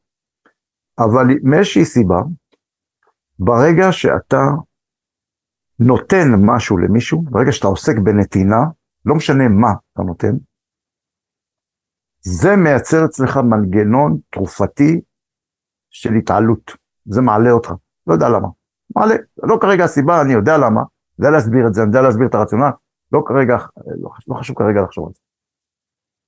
אז זה דבר חשוב מאוד מאוד שצריך לחשוב עליו ולעשות אותו, לעשות אותו, לא משנה, גם אם זה, גם אם התרומה תיראה לך, גם אם העשייה תיראה לך כזאת בנאלית, וגם אם היא תיראה לך uh, כזאת לא משמעותית, זה לא משנה, עשית. נתת הרגשה, תרמת כסף, תרמת עשייה, עשית משהו למען מישהו, לא משנה מה. אמרת בפעם הראשונה בהיסטוריה שלך, בבניין שבו את גרה, בוקר טוב למישהו שבחיים לא אמרת לו בוקר טוב. אז זה, זה, זה נתינה. והדבר השני, שהוא מעלה, זה כוחות מעלים, אוטומטית, בכל התרבויות, בכל המסורות זה ככה. זה שכשאת קמה בבוקר ואין לך שום כוח לעשות שום דבר, תעלי לדמיון את הבן אדם שפגשת בחיים, שראה אותך באופן הכי חיובי שאפשר, שראה את הגדולה שבך, שראה את העוצמות שבך, שראה, שראה אותך כמשהו עצום. אולי הוא היה נדיר, אולי זה קרה פעם אחת, אבל יש מישהו כזה. וכשתראי את הבן אדם הזה מול הדמיון, מול העיניים שלך, תשאירי אותו רגע בצד, שיסתכל עליך, ואז זה יגרום לך להגיד לעצמי, מה, אני מול הבן אדם הזה עכשיו ממשיכה לישון כמו בטטה מול הטלוויזיה? לא, אני קמה. מדהים, אה, ממש. עלתה לי המיילדת כשילדתי את הבת שלי. היא, היא הדמות שאני, שאני אעלה. אה, אני מני... הייתי רוצה, אם יש לנו זמן, הייתי רוצה להראות איזשהו משהו שיכול להסביר לנו איזה מצגת קטנה, אפשר? חושבת. אה, ש, שמה היא מראה? תתן לנו פה. יכולה להסביר מה, מה זה האזור הנוחות של האדם. כן. מה זה מושג שלא לא קיים, לא מוכר עדיין לציבור הרחב, שהוא מאוד ייחודי למיכאל, שזה איזשהו סוג של פיתוח עולמי שאנחנו פיתחנו, שנקרא SNQ, שזה האינטליגנציה של הרגישויות. להבין שיש לנו המון המון רגישויות שאנחנו לא יודעים לנהל אותן בכלל. ואז הרגישויות האלה, לא הרגשות, רגשות, רגש, זה לכאורה נראה לנו דבר פנימי שבא מתוכנו ומפעיל אותנו. רגישות זה כאילו אנחנו נתקלים, ב, נאמר, ב, ב, ב, ב, ב, במקום שבו יש התממשקות שלנו עם המציאות, מופיעה הרגישות, יש לנו רגישות לחלב, יש לי רגישות לאור, יש לי רגישות לחום, יש לי רגישות לשמש, כל מיני. איך אנחנו מנהלים את הרגישויות שלנו? אז, אה, אז בוא נעשה את זה באמת לסיום. אני רוצה שתעשה את זה לסיום ונסכום, והייתי רוצה גם בסכימה שתשלב. אתה, אתה לא רצית לדבר פה על העתיד, אבל אחד הדברים שאנחנו גם מדברים עליו במיכאל, זה שתמונת עתיד זה דבר חשוב. תמונת עתיד חיובית זה דבר מאוד מאוד חשוב בשביל להניע בן אדם בהווה. וכן הייתי רוצה אה, בסיכום שתביא אתה איזושהי תמונת עתיד חיובית שאתה יכול לראות על מדינת ישראל. לא רק למה אפשר, לא רק למה אפשר להיות אופטימי שזה לא יקרה שוב, אוקיי. אלא למה היום בוא, שאחרי בוא, יכול בוא להיות איזושהי תמונת עתיד חיובית. מרקיס, אני הולך איתך, בוא נתחיל רגע מהסוף, כי ש... כשמתחילים מהסוף מבטיחים דבר אחד, שמספיקים את הסוף. את כן, מעולה. אז תראי, מדינת ישראל נחשבת אחת משמונה המעצמות הגדולות ביותר בעולם. אה, צריך להבין דבר אחד פשוט, על ידי מי? על ידי מי נחשבת ככה? בכל הפרמטרים שמחשבים מעצמות כמעצמות. אוקיי. Okay. בפרמטרים צבאיים, כלכליים, אה, אה, תל"ג לנפש, מה שאת רוצה. Mm-hmm. זה התפרסם גם בכל העיתונים, בכל היכונים שמודדים מדינות באופן הזה. אוקיי. עכשיו צריך להבין דבר אחד. במשך 75 שנה אנחנו נמצאים פה במזרח התיכון, במה שנקרא הווילה בג'ונגל כדברי אהוד ברק, מסיבה אחת פשוטה. שכל מדינות ערב, כל מדינות ערב, כל, כף, למד, אין אף מדינה ערבית שלא חושבת ככה, שמדינת ישראל היא מדינה בלתי מנוצחת.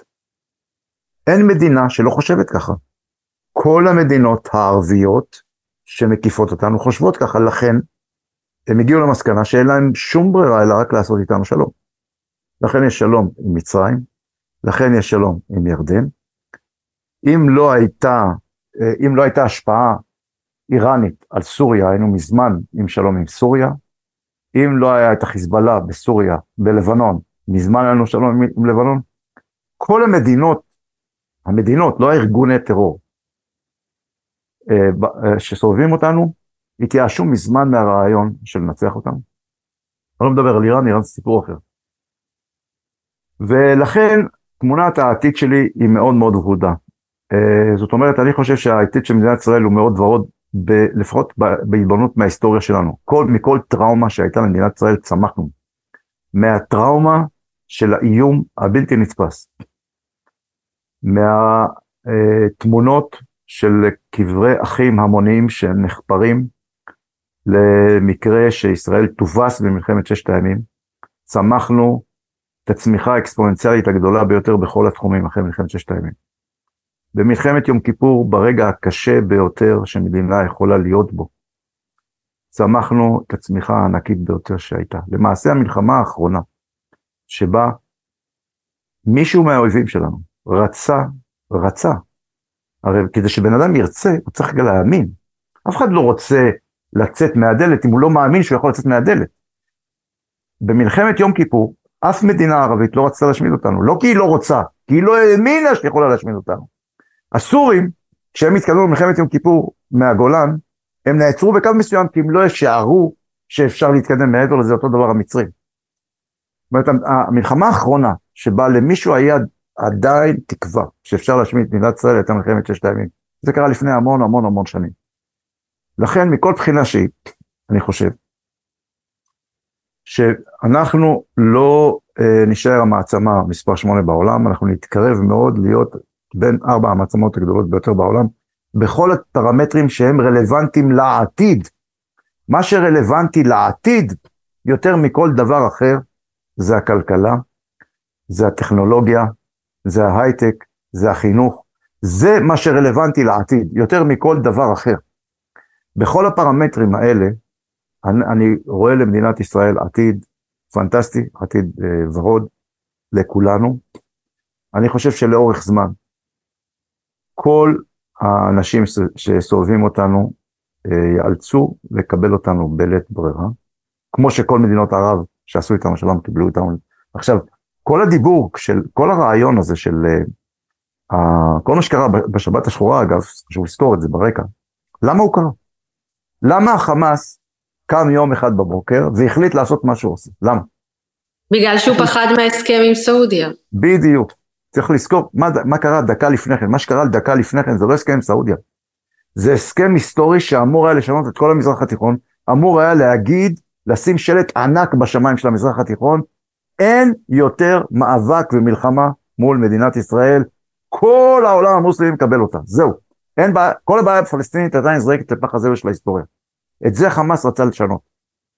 בדרך, מה שקרה לו, זה שהוא טעה טעות גסה ביותר בהערכה שלו, והמפתח לגלות את הטעות הגסה ביותר בהערכה שלו, היא שכל הנהגת חמאס שלא נמצאת בעזה, כל הנהגת חמאס, זה דבר מדהים, זה לא קרה בשום שלב מאז הקמת החמאס עד היום. כל הנהגת החמאס שנמצאת בחוץ, מוכנה להכיר במדינת ישראל כחלק מהסדר כללי של החזרת הרשות הפלסטינית לעזה. מי דמיין שדבר כזה יקרה? עכשיו, להגיד לחמאס שבעקבות המלחמה, התוצאה של המלחמה שהוא יכיר בישראל, זה הדבר הכי מביש שהוא יכול היה לדמיין לעצמו. זאת אומרת, התבוסה הגדולה ביותר של החמאס כבר קרתה מעצם זה שהוא הסמן, נאמר המוצב הקדמי של ההתנגדות לישראל. הוא ויתר על זה. כן, מצד שני יש אנשים שמבחינתם, יש אנשים בחמאס שמבחינתם בשביעי לאוקטובר הם כבר ניצחו, רק בגלל שהם הצליחו לעשות דבר כזה ולהפתיע את ישראל. זה לא שהם חשבו לעצמם שהם יכולים לנצח צריך, את ישראל. אה, צריך להבין, צריך להבין דבר אחד אה, שהוא קיים בכל חברה, קיים בכל חברה, בחברה הערבית סביבנו, של המדינות הערב סביבנו, זה בולט כפליים יותר מכל חברה אחרת מערבית אחרת. כל המדינות סביבנו הן מדינות שאינן דמוקרטיות, בסדר? נגדיר את זה בצורה פשוטה. עכשיו, יש קשר, לא, אין כרגע הזמן להיכנס לזה, יש קשר בין פרוספריטי, בין, בין קדמה, בין ליברליזם לבין המון המון ערכים לבין דמוקרטיה. כשאין דמוקרטיה, אז אין גם, אז אין גם התפתחות. וה, המקום שבו ההמונים במדינות ערב נמצאים הוא מצב תודעה מאוד מאוד נמוך ובעייתי ש, שהשלטון הדיקטטורי שם לא מאפשר להם להתפתח אה, ממנו. עכשיו אני מזכיר את זה בגלל שמי ש, שקובע ושולט בכלל בכל חברה לא משנה איפה זה תמיד האליטות. וככל שהחברה יותר דמוקרטית פלורליסטית, ליבר, ליברלית וכולי, אז האליטות האינטלקטואליות יותר שולטות. ככל שהחברה היא יותר פרימיטיבית, פחות מפותחת וכולי, אז האליטות הצבאיות והכוחניות שולטות, או הכספיות שולטות. עכשיו צריך להבין שמי שמנהיג את האליטות של העולם הערבי, הם בסופו של דבר מכתיבות את סדר היום של החברות הערביות, של מדינות ערב, ואין לאף אחד, אין אף בן אדם רציונלי בחברה הערבית, מהאליטה של החברה הערבית, שמאמין באיזושהי צורה, שמה שהיה ב-7 באוקטובר עזר בצורה כלשהי לפלסטינים, עזר בצורה כלשהי לערבים. יש תנועת נגד, שקשה מאוד לראות אותה, מי שקורא ודובר ערבית יכול לראות אותה. תנועת נגד מרחיקת לכת, בתוך עזה עצמה. רק לתת לך נתונים פשוטים. בתחיל, לפני השישי באוקטובר, בסקר שנערך על ידי גוף בלתי תלוי, בתחילת ספטמבר השנה. אחוז התמיכה בשלטון החמאס עמד על 91 אחוז. אותו גוף בלתי תלוי, וגם גופים בלתי תלויים אחרים, עשו סקר לפני שלושה, שלושה ארבעה ימים. אחוז התמיכה בחמאס ירד בטווח שבין 48 ל-51 אחוז, זאת אומרת, נשברה התמיכה, נשבר הרוב של תמיכת הרוב של, בחמאס. לכן, אפשר להסתכל על, כל דבר מכל זווית שרוצים, אבל בסופו של דבר, התמונה שאני רואה היא תמונה מאוד מאוד חיובית. אני חושב שאנחנו נצמח מהדבר הזה, להיות חזקים יותר, להיות חסונים יותר, להיות אה, במקום שיותר מודע אה, ולוקח בחשבון את כל האפשרויות. אחד הדברים שנחרטו בזיכרון שלי, אחרי השביעי באוקטובר, הייתה שיחה של אילנה דיין בבוקר, אילנה דיין בגלי צה"ל בבוקר, שאני לא ידעתי מה לעשות איתה, לא ידעתי מה לעשות עם מה שהיא אמרה. כי היא, היא פשוט, האמירה שלה הייתה ייצוג של תקופה. זה בעצם רוח התקופה. במשפט אחד היא אמרה את רוח התקופה. והמשפט שהיא אמרה היה, איך יכולנו להרשות לעצמנו אויבים מהסוג הזה? עכשיו, יש במשפט הזה את הכל, את כל רוח התקופה. את חוסר ההבנה שלא אנחנו קובעים מהאויבים שלנו, את חוסר ההבנה שאנחנו צריכים לקבוע לאויבים שלנו מה יקרה ולא הם שיקראו לנו. המון המון דברים. את האסטרונאוטיות הכללית, את המדיניות הבת יענה, טמינת הראש בחול, הכל נמצא במשפט הזה. וזה, המציאות יכולה להיות אחרת. החוסן שיש לחברה הישראלית כחברה, הוכיח את עצמו. הוכיח את עצמו גם כשאין ממשלה, כמו שקרה עכשיו, גם לאורך 75 שנות קיום המדינה. אני חושב שלאורך זמן, החיים במדינת ישראל אה, של רוב האזרחים יהיו חיים יותר טובים ממה שהם היו. המצב הכלכלי ישתפר לאין ארוך, כי אחרי כל מלחמה יש בדרך כלל צמיחה יוצאת דופן. אני חושב שהפערים שה, שקיימים, ואי אפשר להעלים אותם, בין החלקים השונים של החברה הישראלית, על הפערים האלה נמרח, נמרחה כמות כל כך עצומה של, של uh, טלק, של איזשהו משהו, איזשהו משחה שמעכה לחלוטין את הפערים האלה. הפערים הם קיימים, אבל יש משהו גדול מהם, ומה שגדול מהם זה תחושת האחדות, תחושת האחווה, תחושה של כולנו במקום אחד. כי בסופו של דבר, גם, הבחור, גם האישה השמאלנית המדהימה מאחד הקיבוצים בעוטף, שאת רוב זמנה הקדישה לסייע לפלסטינאים מעזה להגיע לטיפולים בישראל, גם היא נשחטה שם. והידיעה הזאת, כמו הרבה ידיעות אחרות, אני חושב יחזירו אותנו למדינה שבה יש אוויר פחות רעיל, יותר נקי, פחות, אה, פחות מתעמת. אני חושב שהחלום שלנו, של כל ישראלי, החלום ככה התת מודע של כל ישראלי, שהוא אומר לעצמו, רבאק, למה לא יכול להיות לנו שכנים שוודים? למה לא יכולנו להיות, למה לא הקימו את ישראל בשוודיה? כאילו, מה, תראה איזה חיים. אני חושב שאנחנו בעתיד, הלא רחוק, נחיה חיים, סוג של חיים שוודים כאלה בארץ ישראל, במדינת ישראל. למה? איך לעשות סקי בסוריה. כן, אני חושב, שה, כי אני חושב שהאיומים העיקרי, האיומים העיקריים על מדינת ישראל ייעלמו, ואני חושב שהאיכות החיים שלנו תשתפר אה, ללא הכר. אני חושב שלאויבים אה, סביבנו לקח הרבה זמן, אבל זה, זה הולך והתקצר להבין שאנחנו מקור השראה, זה לא האויב שלהם. מקור השראה להרבה דברים טובים שיכולים להיות להם. בשורה התחתונה אני בטוח שבזכות האקטיביות שלנו כקולקטיב, שהיא זאת שהוציאה אותנו מהשטטל, היא זאת שהקימה אותנו מהעפר וה, והאפר של השואה. אותה אקטיביות, אותם כלים שלקחו את העם היהודי והביאו אותו מהמקום הכל כך נמוך של עם שכמעט רובו הושמד בשואה, לעם שהופך להיות לאור לגויים בכל מובן שהוא. אחד הדברים הכי מגוחכים שראיתי, אני לא אוהב לראות סרטונים כאלה, נתקלתי בסרטון כזה, זה, זה מישהו, איזה פרופסור מהרווארד, מוסלמי, שאומר, אני, מה העמדה שלי לגבי מה שקורה בעזה? מאוד פשוטה. אני שואל את עצמי, מה היה קורה בעולם אם לא היו יהודים? הוא אומר, אני שואל אתכם, שואל סטודנטים שלו, אז אומרים לו את כל ההמצאות שהמציאו היהודים והישראלים וכולי וכולי וכולי. ואז הוא אומר להם, מה היה קורה בעולם אם לא היו מוסלמים?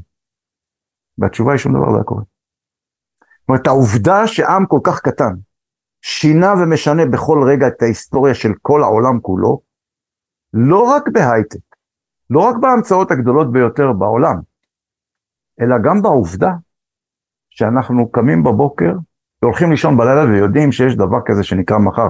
מחר זאת קונספציה שלא קיימת לשום בעל חי, היא קיימת לבני אדם. ומי שהביא לבני האדם את הרעיון של המושג מחר זה היהודים. יש ספר שנקרא מתת היהודים, ספר מדהים, יש ז'אנר של ספרים כאלה, שבו הוא מתאר מה היהודים תרמו לעולם.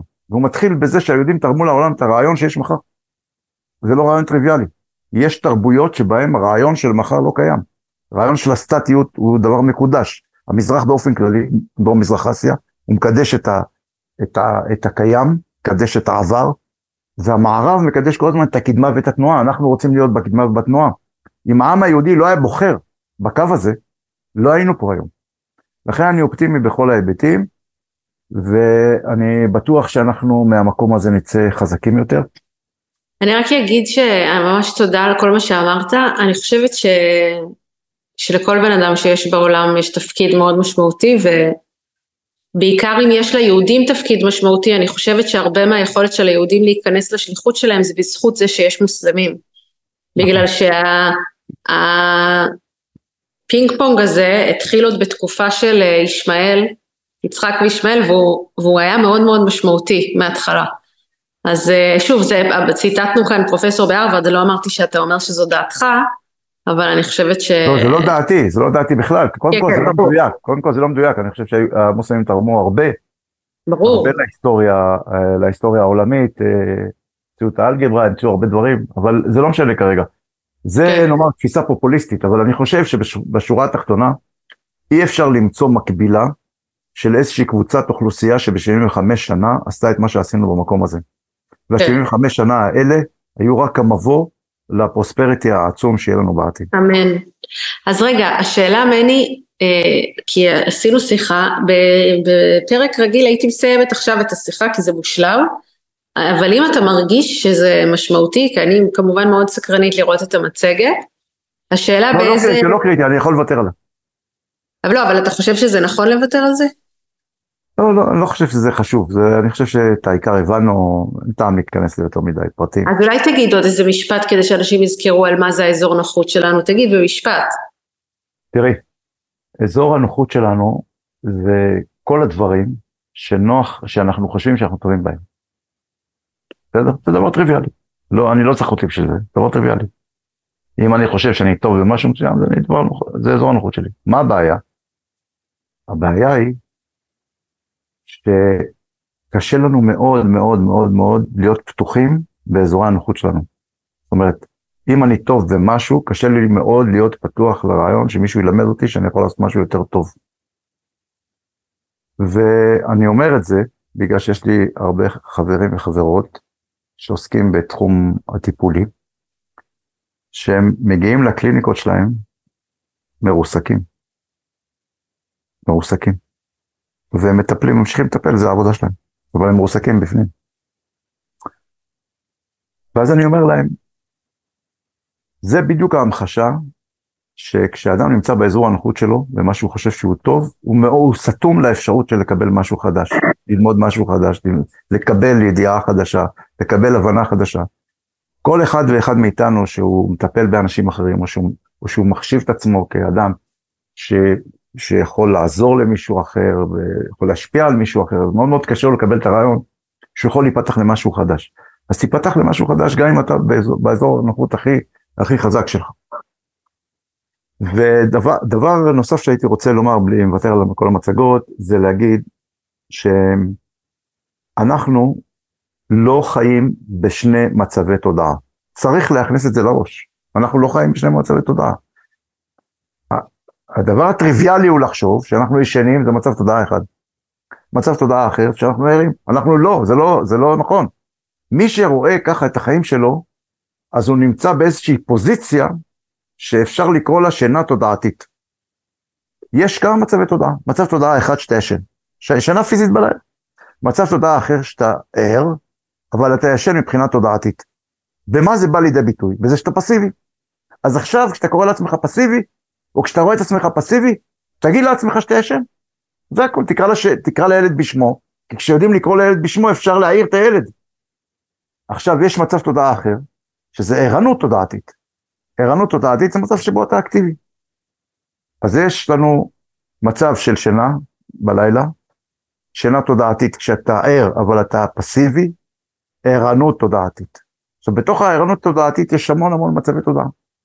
כל מצב תודעה יכול להוביל אותנו לגלות בעצמנו עוד כוחות ועוד כוחות ועוד כוחות ועוד כוחות, אבל זה, זה, הכל מתחיל מדבר אחד פשוט, מאקטיביות, מלנקוט עמדה מלפרש כל דבר כאופטימי, כטוב, כחיובי.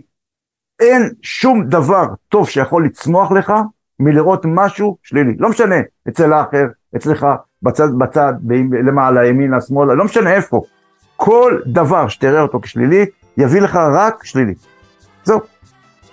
תודה, תודה רבה נרקיס על ההזדמנות. וואי, מדהים, מני. אה, אז דבר ראשון, תודה לך ממש, תודה לכל מי שהצטרף, מי ששומע אותנו בפודקאסט, ולאנשים שהצטרפו אלינו, שאני מניחה שאתם מיכאלים, הייתי רוצה שתרשמו לנו בתגובות, בשביל אנשים שיראו את השידור החוזר, משהו אחד שאתם לוקחים מהשידור, אה, אז תרשמו לנו תגובות ואנחנו נראה אחר כך, ותודה רבה לכל מי שהצטרף, שיהיה לילה טוב.